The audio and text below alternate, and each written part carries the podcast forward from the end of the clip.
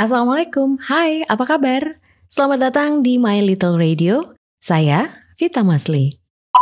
Seperti janji saya di episode ketiga mengenal podcast bagian kedua, di episode keempat kita akan membahas tentang bagaimana cara memproduksi sebuah episode podcast di mengenal podcast bagian ketiga. Untuk kamu yang belum menyimak episode pertama, kedua, dan ketiga, tidak ada salahnya loh untuk menyimak episode-episode sebelumnya, karena kamu bakal lebih tahu banyak tentang apa itu podcast, sejarah podcast, bagaimana membuat podcast, dan kamu juga bakal tahu siapa sih Vita Masli dan apa itu My Little Radio.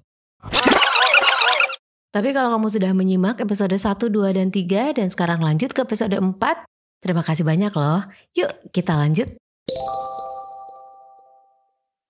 Di episode ketiga, kita sudah secara garis besar membahas tentang bagaimana memproduksi sebuah podcast. Di episode kali ini, kita akan lebih detail untuk menjelaskan tahapan-tahapannya.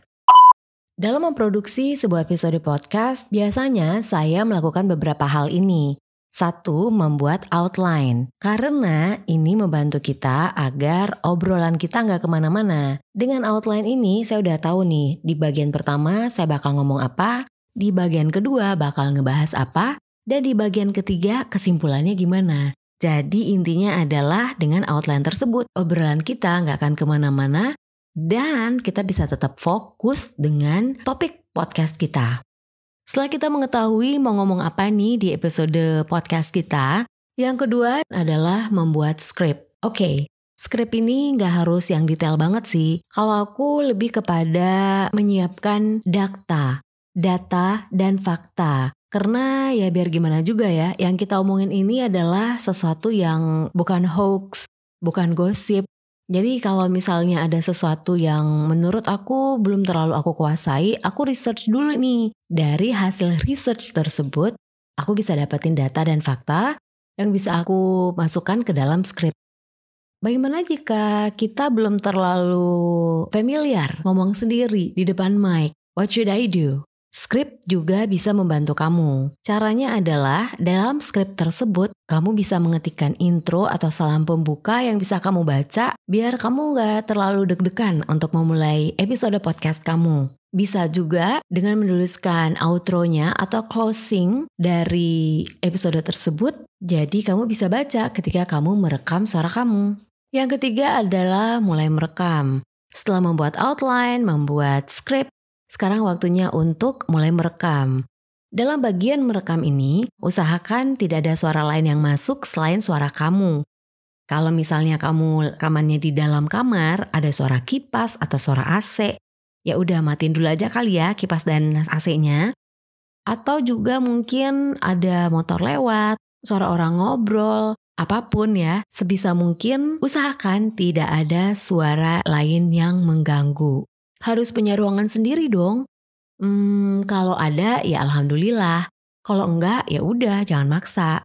Kalau tidak memungkinkan, kita bisa menyelesaikan waktu merekam. Entah pagi, entah siang, atau entah malam gitu ya. Momen yang tepat untuk merekam di saat suasana lagi sepi. Based on my experience, karena suasana di tempat saya kurang kondusif untuk merekam pada siang hari, saya biasanya memilih merekam di malam hari. Atau kalau emang tidak memungkinkan banget, saya memilih rekaman di dalam mobil. Lumayan kedap suara juga sih, tapi ya itu berarti matiin dulu mesin mobilnya dan matiin AC-nya. Agak panas, tapi ya udah namanya juga usaha.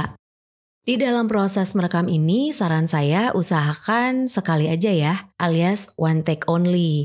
Kalau misalnya ada pengucapan yang salah, atau mungkin ada fakta atau data yang terlewat, atau mungkin ada suara-suara lain yang mengganggu, misalnya tiba-tiba kamu rekaman terus ada suara mobil yang lewat atau suara burung atau suara apalah gitu.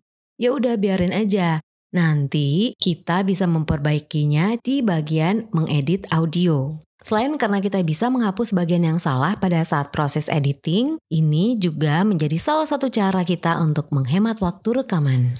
Dalam mengedit audio, kita bisa menggunakan software seperti yang sudah saya jelasin juga di episode ketiga. Ada Adobe Audition, ada Audacity, ya tergantung dari preferensi kamu aja. Mengedit audio ini penting karena kita bisa menghapus bagian yang salah, jeda yang terlalu lama, atau suara-suara yang nggak perlu. Selain itu, kita juga bisa menambahkan efek tertentu seperti efek khusus untuk podcast yang tersedia di Adobe Audition itu bisa banget tuh.